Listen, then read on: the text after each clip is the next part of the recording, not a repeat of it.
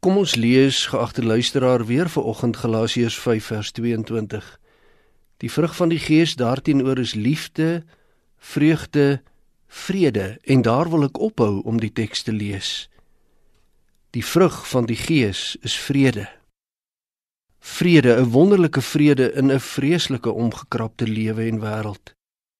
Die woord vrede, 'n Nuwe Testament woord wat eintlik beteken om saam te bind is dit nie aangrypend nie.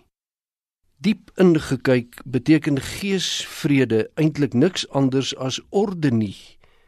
Daarom staan daar ook in 1 Korintiërs 14:33 God is nie 'n God van wanorde nie, maar hoor mooi, van vrede.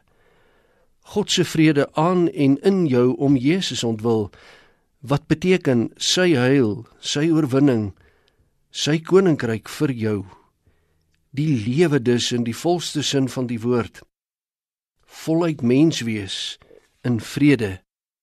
Hoekom? Want ineens het ek vrede met God. En daarom ook met die mense op en langs my pad. Vrede met my vyand. Vrede met die dinge wat maal en rol. Uiteindelik ook vrede met my omstandighede. Voluit mens want die vrug van die gees is vrede sê die Here. Vrede in my hart en siel want die ewige vredevors regeer my lewe. Vrede want ek is die Here se. Vrede want hy weet waarheen.